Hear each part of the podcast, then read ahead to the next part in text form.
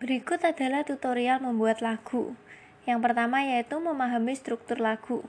Secara umum, struktur lagu meliputi intro, bait, ref, dan bridge. Kamu bisa menambah bait sesuai keinginan. Panjang bait bisa kamu tentukan sendiri. Yang kedua yaitu menentukan tema. Tentukan tema apa yang akan terkandung dalam lagumu. Hal ini untuk mempermudah dalam proses pembuatan liriknya. Yang ketiga yaitu menentukan penggunaan kata-kata. Pilihlah kata-kata yang sesuai dengan tema. Gunakan kata-kata yang dapat menggambarkan isi lagu tersebut.